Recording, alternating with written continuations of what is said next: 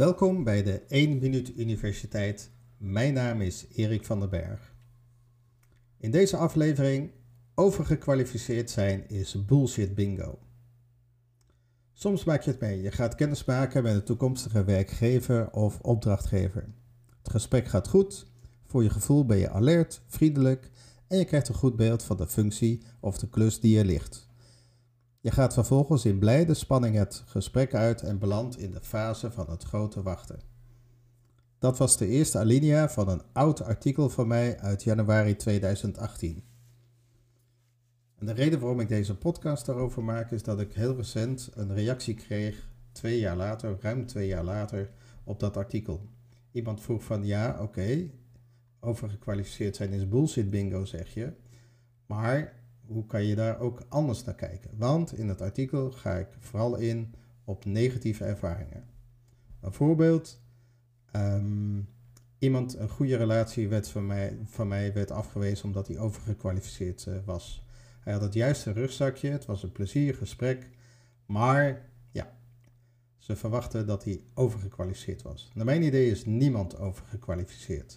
Nooit, ooit, het is bullshit bingo. Wat zit er toch achter het oordeel te hoog opgeleid of overgekwalificeerd? Mogelijk de volgende redenen. Misschien de angst dat je geen blijvertje bent. Dat je te snel uit het jasje van de organisatie groeit en je werkgever opnieuw moet werven. Het is zo zonde als een werkgever of een opdrachtgever uit de onzekerheid opereert aan de loyaliteit van een gekwalificeerde kandidaat. Of is het angst dat je als een koekoeksjong anderen uit het nest verstoot en dat de bestaande club de nieuweling als een bedreiging gaat zien? Er kan ook onzekerheid zijn over de salaris of over vergoedingen. Hij of zij is overgekwalificeerd en dat gaat ons, werkgever, geld kosten. Dan liever een goedkoper iemand. Vervolgens heb je nog het argument dat de opdrachtgever de kandidaat tegen zichzelf in bescherming wil nemen. Dan is het oordeel: je komt hier niet aan je trekken. Ga toch liever ergens anders zijn. Misschien raak je wel snel gefrustreerd en verveel je je te pletter. Bore out. En daar word je ziek van. Je valt uit. Dat willen we, jouw werkgever, je besparen. Of het idee is dat sterke kandidaten moeilijk te managen zijn. Maar dat is onzin. Goede krachten zijn zelfstandig en juist makkelijk aan of bij te sturen.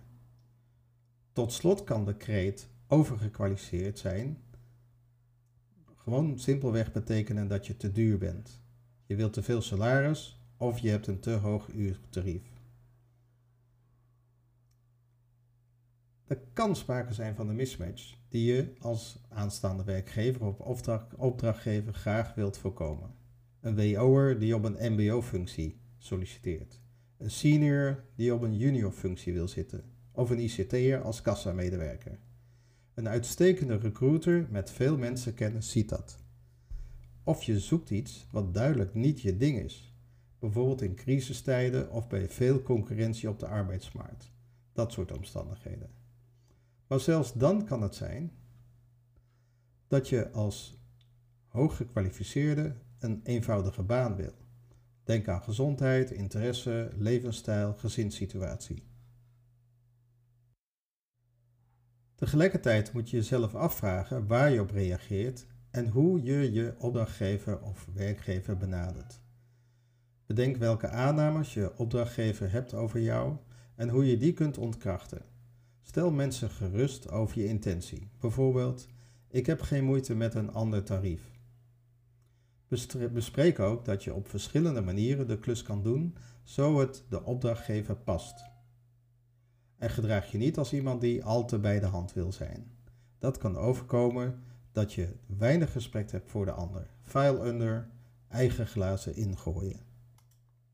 Raak niet ontmoedigd. De reden voor een afwijzing kan er één van vele zijn. Je hoort daar niet alles over. Te hoog opgeleid betekent niet per se ongeschikt. En recruiter, opdrachtgever, werkgever, hoger management, bespreek daarom met je kandidaat voordat je je eigen oordeel velt en besluit of je iemand overgekwalificeerd vindt of niet. Downgrade nooit iemands talent, kennis en ervaring. Eis desnoods van de kandidaat dat hij zij zelf met een voorstel komt om de uitdagingen erin te houden en dat hij zijn geld meer dan waard is.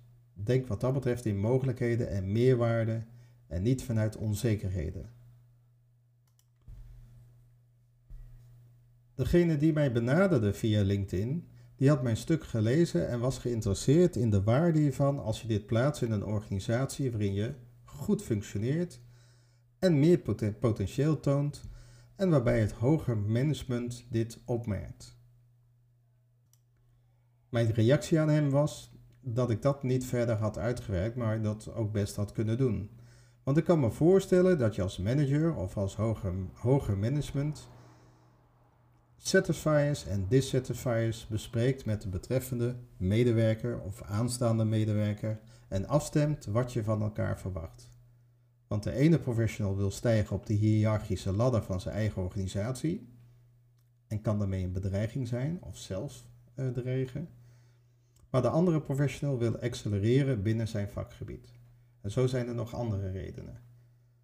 In beide gevallen zou ik de groeimogelijkheden of de doorgroeimogelijkheden willen bespreken en wat een manager daarin kan faciliteren om het potentieel eruit te halen wat erin zit.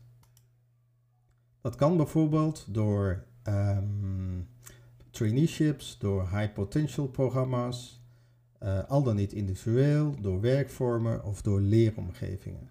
En dat laatste kan ad hoc, maar idealiter is het een structureel onderdeel van je personeelsmanagement, van je HRM.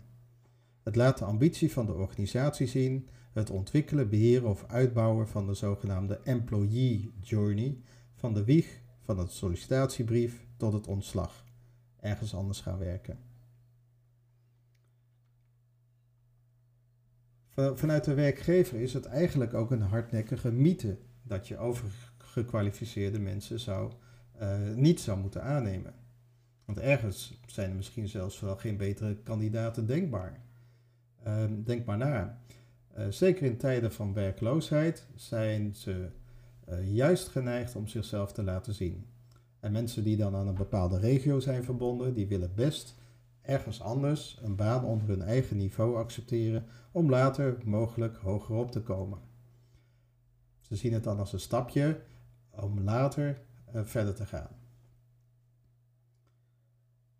En zelfs uh, al zou je als werkgever mensen niet willen aannemen omdat je bang bent omdat ze eerder vertrekken, voegen ze nog wel veel maar waarde toe.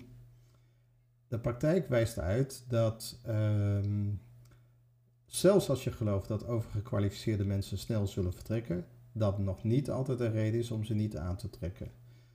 Bij wijze van spreken, als je Lionel Messi maar een paar maanden in je team hebt, kan dat net het verschil zijn tussen kampioen worden en verliezen of tweede worden.